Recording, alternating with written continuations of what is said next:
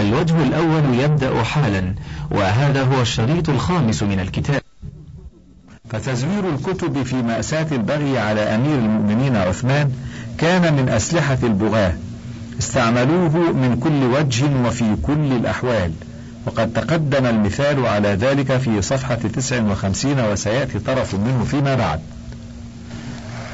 تهميش آخر يقول عند قوله يأمره بقتل حامليه. وكيف يكتب إلى عبد الله بن سعد بن أبي صرح وقد أذن له بالمجيء إلى المدينة ويعلم أنه خرج من مصر. الطبري الجزء الخامس الصفحة الثانية والعشرين بعد المئة. وكان المتسلط على الحكم في الفسطاط محمد بن أبي حذيفة رئيس البغاة وعميدهم في هذه الجهة. ومضمون الكتاب المزور قد اضطرب رواة أخباره في تعيين مضمونه وسيأتي الكلام على ذلك كله فيما بعد. هامش آخر عند قوله وإلا فيميني أني ما كتبت ولا أمرت. قال شيخ الإسلام ابن تيمية في منهاج السنة في الجزء الثالث في الصفحة الثامنة والثمانين بعد المئة. كل ذي علم بحال عثمان يعلم أنه لم يكن ممن يأمر بقتل محمد بن أبي بكر ولا بأمثاله. ولا عرف منه قط أنه قتل أحدا من هذا الضرب وقد سعوا في قتله أي في قتل أمير المؤمنين عثمان ودخل عليه محمد في من دخل وهو لا يأمر بقتالهم دفعا عن نفسه فكيف يبتدئ بقتل معصوم الدم؟ وهامش آخر عند قوله وينقش على خاتمه. وقد حدث مثل ذلك في زمن عمر كما رواه البلاغري في فتوح البلدان في الصفحة الثامنة والأربعين بعد الأربعمائة والحافظ ابن حجر في الإصابة في الجزء الثالث في الصفحة الثامنة والعشرين بعد الخمسمائة طبعة سنة ثمان وعشرين وثلاثمائة وألف. وهامش آخر عند قوله ولو سلمه لكان ظالما يقول قال شيخ الإسلام ابن تيمية في منهاج السنة في الجزء الثالث في الصفحات التاسعة والثمانين بعد المئة بل عثمان إن كان أمر بقتل محمد بن أبي بكر هو أولى بالطاعة ممن طلب قتل مروان لأن عثمان إمام هدى وخليفة راشد يجب عليه سياسة رعيته وقتل من لا يدفع شره إلا بقتله. وأن الذين طلبوا قتل مروان فقوم خوارج مفسدون في الأرض ليس لهم قتل أحد ولا إقامة حد. وليس مروان أولى بالفتنة والشر من محمد بن أبي بكر ولا هو أي ابن أبي بكر أشهر بالعلم والدين منه أي من مروان. بل أخرج أهل الصحاح عدة أحاديث عن مروان وله قول مع أهل الفتية واختلف في صحبته ومحمد بن أبي بكر ليس بهذه المنزلة عند الناس ومروان من أقران ابن الزبير. وهامش آخر عند قوله وإيثار العاجلة على العاجلة. يقول بمثل هذه الأوصاف وصفهم أمير المؤمنين علي بن أبي طالب في الخطبة التي خطبها على الغرائر في معسكره بالكوفة عندما كان الصحابي الفارس المجاهد القعقاع بن عمرو التميمي يسعى بإتمام المهمة التي جاءت عائشة وطلحة والزبير لإتمامها. فروى الطبري في الجزء الخامس في الصفحة الرابعة والتسعين بعد المئة أن عليا ذكر إنعام الله على الأمة بالجماعة بالخليفة بعد رسول الله صلى الله عليه وسلم. ثم الذي يليه ثم الذي يليه. وقال على مسمع من قتلة عثمان. ثم حدث هذا الحدث الذي جره على الأمة أقوام طلبوا هذه الدنيا. حسدوا من أفاء الله عليه على الفضيلة. وأرادوا رد الأشياء على أدبارها. ثم ذكر أنه راحل غدا إلى البصرة ليجتمع بأم المؤمنين وأخويه طلحة والزبير وقال ألا ولا يرتحلن غدا أحد أعان على عثمان رضي الله عنه بشيء في شيء من أمور الناس وليغني السفهاء عني أنفسهم. وتهميش آخر عند قوله وإذا نظرت إليهم ذلك ذكرهم على دناءة قلوبهم وبطلان أمرهم. أجملنا في هامش الصفحة الثامنة والخمسين أوصاف البارزين ممن خرج على عثمان وأول من اكتشف سريرتهم ونظر إلى وجوههم بنور الله فتشاءم منهم رجل الإسلام المحدث أمير المؤمنين عمر بن الخطاب صاحب الفراسة التي لا تخطئ وروى الطبري أن عمر لما استعرض الجيوش للجهاد في السنة الرابعة عشرة مرت أمامه قبائل السكون اليمنية مع أول كندة يتقدمهم حسين بن نمير السكوني ومعاوية بن حديج أحد الصحابة الذين فتحوا مصر. ثم كان أحد ولاتها فاعترضهم عمر فإذا فيهم فتية دن سباط فأعرض عنهم ثم أعرض ثم أعرض حتى قيل له ما لك ولهؤلاء؟ فقال إني عنهم لمتردد وما مر بي قوم من العرب أكره إلي منهم. فكان منهم سودان بن حمران وخالد بن ملجم وكلاهما من البغاة على عثمان. كان الغافقي المصري أمير القوم وكنانة بن بشر التجيبي وسودان بن حمران وعبد الله بن بديل بن ورقاء الخزاعي. وحكيم بن جبلة من أهل البصرة ومالك بن الحارث الأشتر في طائفة هؤلاء رؤوسهم فناهيك بغيرهم. وقد كانوا أثاروا فتنة فأخرجهم عثمان بالاجتهاد وصاروا في جماعتهم عند معاوية فذكرهم بالله وبالتقوى لفساد الحال وهتك حرمة الأمة. حتى قال له زيد بن صوحان فيما يروى كم تكثر علينا بالإمرة وبقريش فما زالت العرب تأكل من قوائم سيوفها وقريش تجار فقال له معاوية لا أم لك أذكرك بالإسلام وتذكرني بالجاهلية قبح الله من كثر على أمير المؤمنين بكم فما أنتم ممن ينفع أو يضر أخرجوا عني وأخبره ابن الكوى بأهل الفتنة في كل بلد وبمؤامراتهم. فكتب إلى عثمان يخبره بذلك. فأرسل إليه بإشخاصهم إليه فأخرجهم معاوية فمروا بعبد الرحمن بن خالد بن الوليد فحبسهم ووبخهم وقال لهم اذكروا ما كنتم تذكرون لمعاوية. وحصرهم وأمشاهم بين يديه أذلاء حتى تابوا بعد حول. وكتب إلى عثمان بخبرهم فكتب إليه أن سرحهم إلي فلما مثلوا بين يديه جددوا التوبة وحلفوا على صدقهم وتبرأوا مما نسب إليهم. وخيرهم حيث يسيرون فاختار كل واحد ما أراد من البلاد. الكوفة أو البصرة أو مصر فأخرجهم فما استقروا في حيث ما ساروا حتى فاروا وألبوا حتى انضاف إليهم جمع وصاروا إليه على أهل مصر عبد الرحمن بن عديس البلوي وعلى أهل البصرة حكيم بن جدلة وعلى أهل الكوفة الأشتر مالك بن الحارث النخعي فدخلوا المدينة هلال ذي القعدة سنة خمس وثلاثين فاستقبلهم عثمان فقالوا ادعوا بالمصحف. فدعا به فقالوا افتح التاسعة.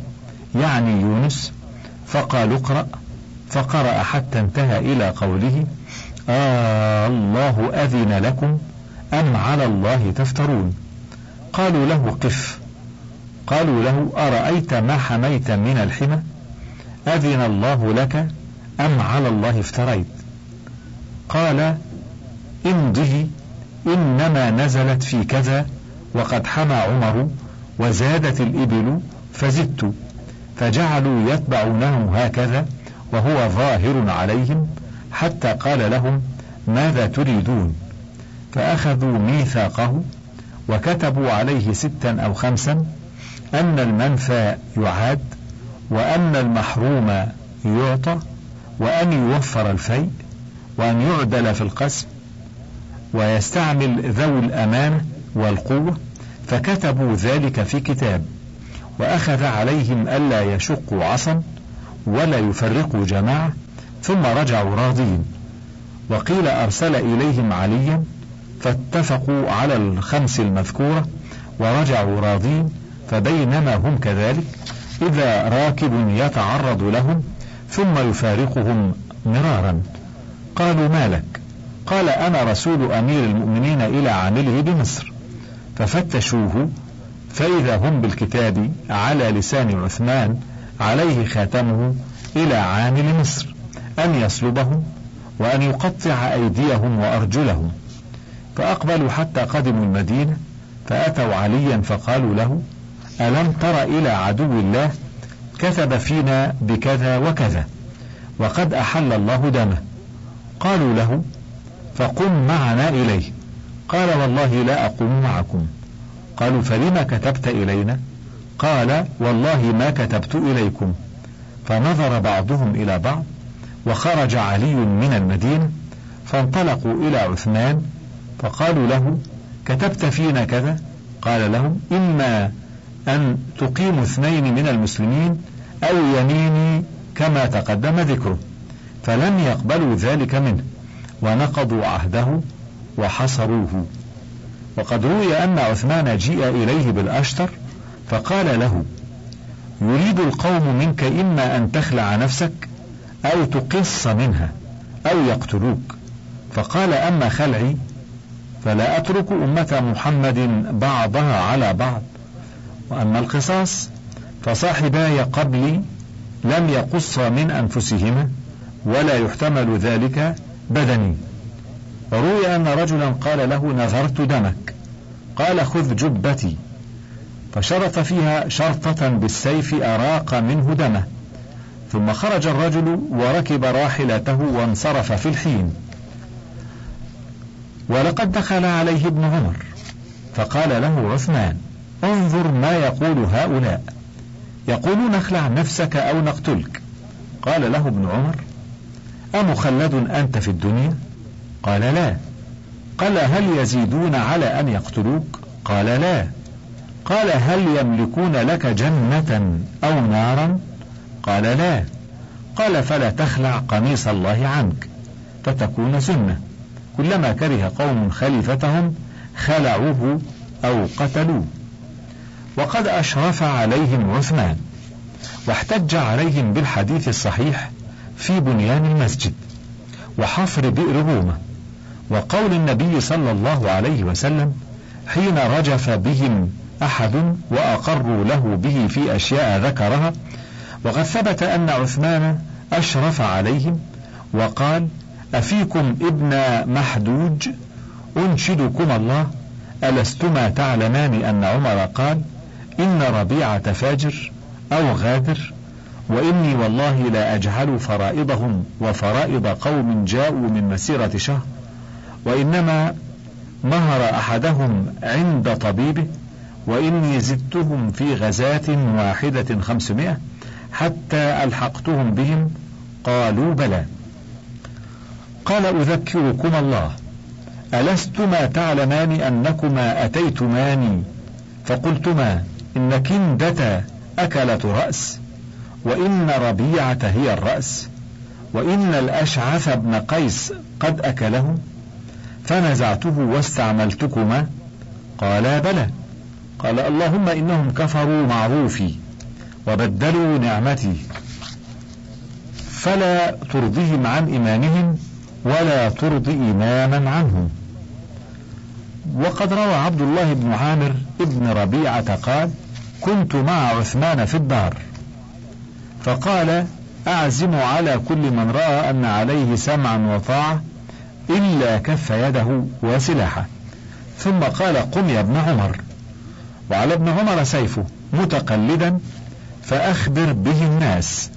فخرج ابن عمرو الحسن بن علي ودخلوا فقتلوه.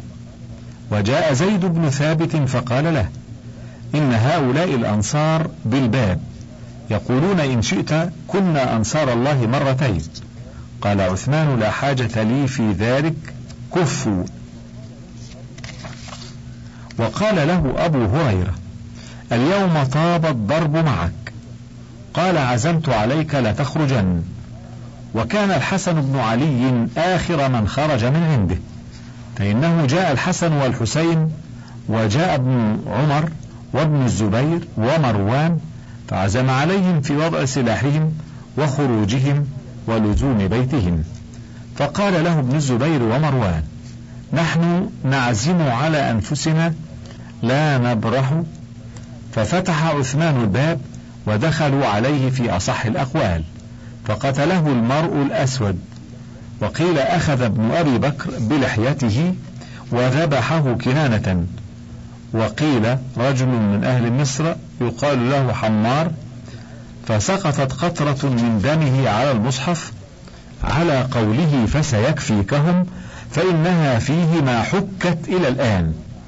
وروي أن عائشة رضي الله عنها قالت غضبت لكم من الصوت ولا أغضب لعثمان من السيف. استعتبتموه حتى إذا تركتموه كالقند المصفى ومصدتموه موسى الإناء وتركتموه كالثوب المنفي من الدنس ثم قتلتموه. قال مسروق فقلت لها هذا عملك. كتبت إلى الناس تأمرينهم بالخروج عليه. فقالت عائشة والذي آمن به المؤمنون وكفر به الكافرون ما كتبت إليهم سوادا في بياض. قال الأعمش فكانوا يرون أنه كتب على لسانها. وقد روي أنه ما قتله أحد إلا أعلاج من أهل مصر. قال القاضي أبو بكر رضي الله عنه فهذا أشبه ما روي في الباب وبه يتبين وأصل المسألة سلوك سبيل الحق أن أحدا من الصحابة لم يسعى عليه ولا قعد عنه ولو استنصر ما غلب ألف أو أربعة آلاف غرباء عشرين ألفا بلديين. أو أكثر من ذلك ولكنه ألقى بيده إلى المصيبة. وقد اختلف العلماء في من نزل به مثلها. هل يلقي بيده أو يستنصر؟ وأجاز بعضهم أن يستسلم ويلقي بيده اقتداء بفعل عثمان وبتوصية النبي صلى الله عليه وسلم بذلك في الفتنة. قال القاضي أبو بكر رضي الله عنه ولقد حكمت بين الناس فألزمتهم الصلاة. وألزمتهم الأمر بالمعروف والنهي عن المنكر حتى لم يكن يرى في الأرض منكر. واشتد الخطب على أهل الغصب وعظم على الفسقة الكرب فتألبوا وألبوا وثاروا إلي فاستسلمت لأمر الله أمرت كل من حولي ألا يدفعوا عن داري وخرجت على السطوح بنفسي فعاثوا علي وأمسيت سليب الدهر. ولولا ما سبق من حسن المقدار لكنت قتيل الدار. وكان الذي حملني على ذلك ثلاثة أمور. أحدها وصاية النبي صلى الله عليه وسلم المتقدمة. والثاني الاقتداء بعثمان. والثالث سوء الأحدوثة التي فر منها رسول الله صلى الله عليه وسلم المؤيد بالوحي. فإن من غاب عني بل من حضر من الحسدة معي خفت أن يقول إن الناس مشوا إليه مستغيثين به فأراق دماءهم. وأمر عثمان كله سنة ماضية وسيرة راضية فإنه تحقق أنه مقتول بخبر الصادق له بذلك وأنه بشره بالجنة على بلوى تصيبه وأنه شهيد وروي أنه قال له في المنام إن شئت نصرتك أو تفطر. عندنا الليلة.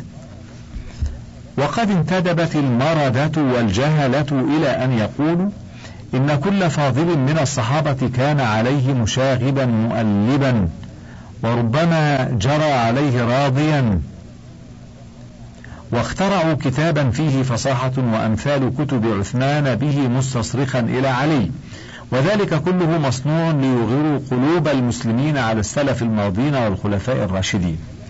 قال القاضي أبو بكر فالذي ينخل من ذلك أن عثمان مظلوم محجوج بغير حجة وأن الصحابة براء من دمه بأجمعهم لأنهم أتوا إرادته وسلموا له رأيه في إسلام نفسه. ونعود بعد ذلك إلى الهوامش.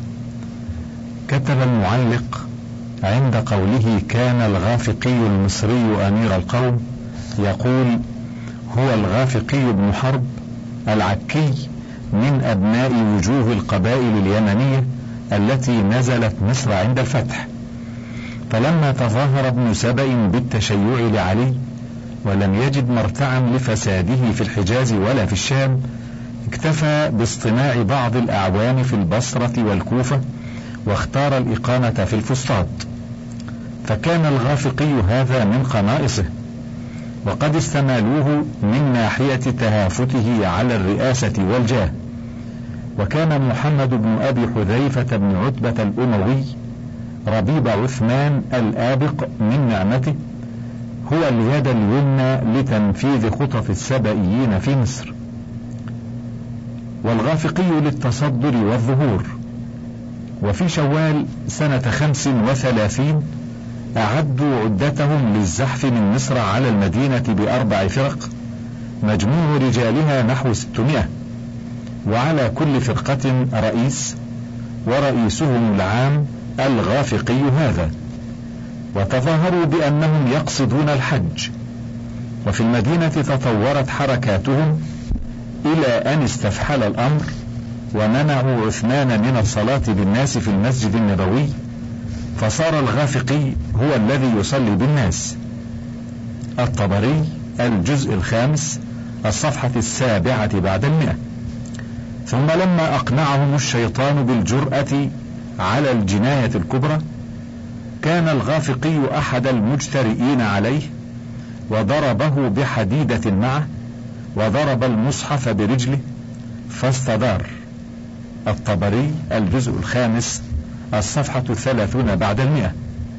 وبعد قتل عثمان بقيت المدينة خمسة أيام وأميرها الغافقي بن حرب الطبري الجزء الخامس الصفحة الخامسة والخمسين بعد المئة. وهناك تعليق آخر عند قوله وكنانة بن بشر التجيبي. يقول في الهامش وهذا أيضا كان من قنائص ابن سبأ في مصر. ولما أرسل عثمان عمارا إلى مصر ليكتشف له أمر الإشاعات وحقيقة الحال استماله السبئيون وكان كنانة بن بشر هذا واحدا منهم. وعندما جمعوا أوشاب القبائل للزحف على المدينة بحيلة الحج في شوال سنة خمس وثلاثين انقسموا في مصر إلى أربع فرق. على كل فرقة أمير. وكان كنانة بن بشر أميرا على إحدى هذه الفرق. ثم كان في طليعة من اقتحم الدار على عثمان. وبيده شعلة من نار تنضح بالنفط. فدخل من دار عمرو بن حزم ودخلت الشعل على أثره. ووصل كنانة التجيبي إلى عثمان فأشعره مشقصا أي نصلا طويلا عريضا فانتضح الدم على آية فسيكفيكهم الله. وقطع يد نائلة زوجة عثمان واتكأ بالسيف على صدر عثمان وقتله. قال محمد بن عمر الواقدي حدثني عبد الرحمن ابن أبي الزناد المدني عن عبد الرحمن بن الحارث بن هشام المخزومي المدني المتوفى سنة ثلاث وأربعين قال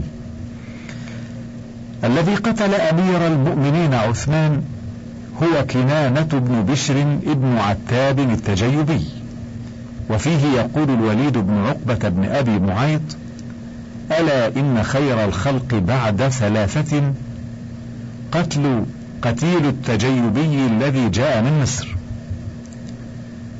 وكانت عاقبة كنانة هذا وقوعه قتيلا في الحرب التي نشبت سنة ثمان وثلاثين في مصر بين محمد بن أبي بكر الصديق نائب علي وبين عمرو بن العاص ومن معه من جيش معاوية بن حديج السكوني. وهناك تعليق آخر عند سودان ابن حمران. يقول في الهامش السكوني من قبائل مراد اليمنية النازلة في مصر.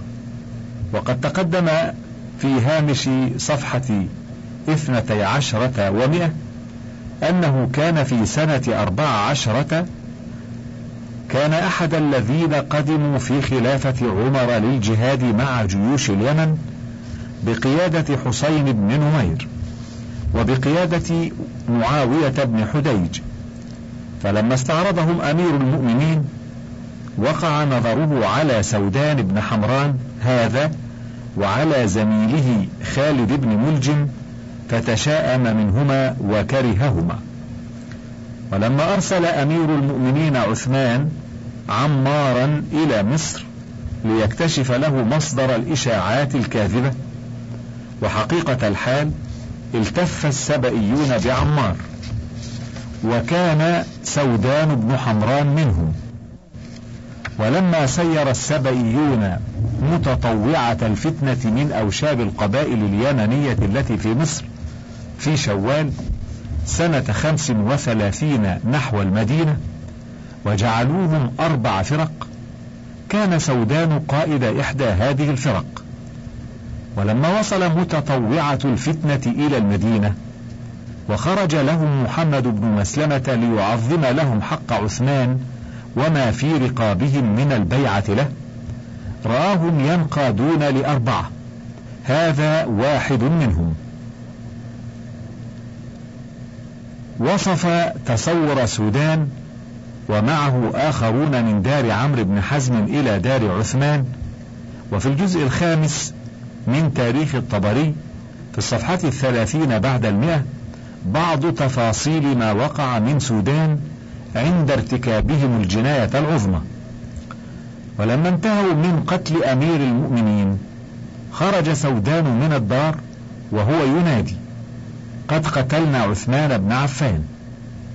الطبري الجزء الخامس الصفحة الثالثة والعشرون بعد المئة. وتعليق عند عبد الله بن بديل بن ورقاء الخزاعي. يقول في هذا التعليق كان أبوه رجلا مسنا من مسلمة الفتح. وورد ذكر عبد الله بن بديل في الفتنة العظمى على أمير المؤمنين عثمان.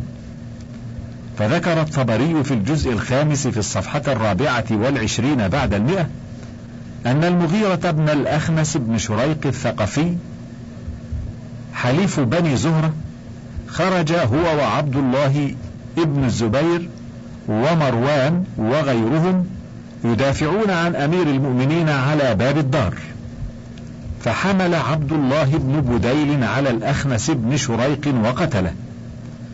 ونقل الحافظ ابن حجر في ترجمته في الإصابة في الجزء الثاني في الصفحة الثمانين بعد المئتين عن ابن الكلبي أن عبد الله ابن بديل وأخاه عبد الرحمن شهدا صفين مع علي وقتلا بها.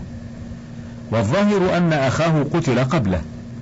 فقد نقل ابن حجر في الإصابة في الجزء الثاني في الصفحة الحادية والثمانين بعد المئتين عن ابن إسحاق في كتاب الفردوس أن عبيد الله بن عمر بن الخطاب لما قدم الكوفة أي مع جيش أهل الشام لقي عبد الله بن بديل فنصح له ابن بديل بألا يهرق دمه في هذه الفتنة.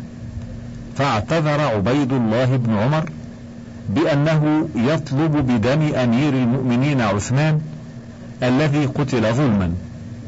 واعتذر ابن بديل بأنه يطلب بدم أخيه الذي قتل ظلما. وكيف يكون أخوه قتل ظلما؟ وقد قتل في فتنة تطوع للمساهمة فيها مختارا. بينما عثمان وهو أمير المؤمنين الذي له حق الولاية عليهم كان مبغيا عليه من ابن بديل وأمثاله ومن هم أقل منه شأنا.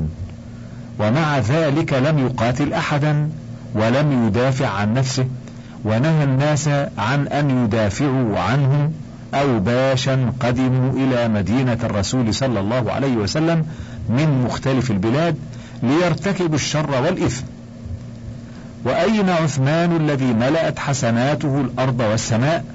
من عبد الرحمن بن بديل الذي لا يكاد يعرف له التاريخ عملا. انتهى الوجه الأول.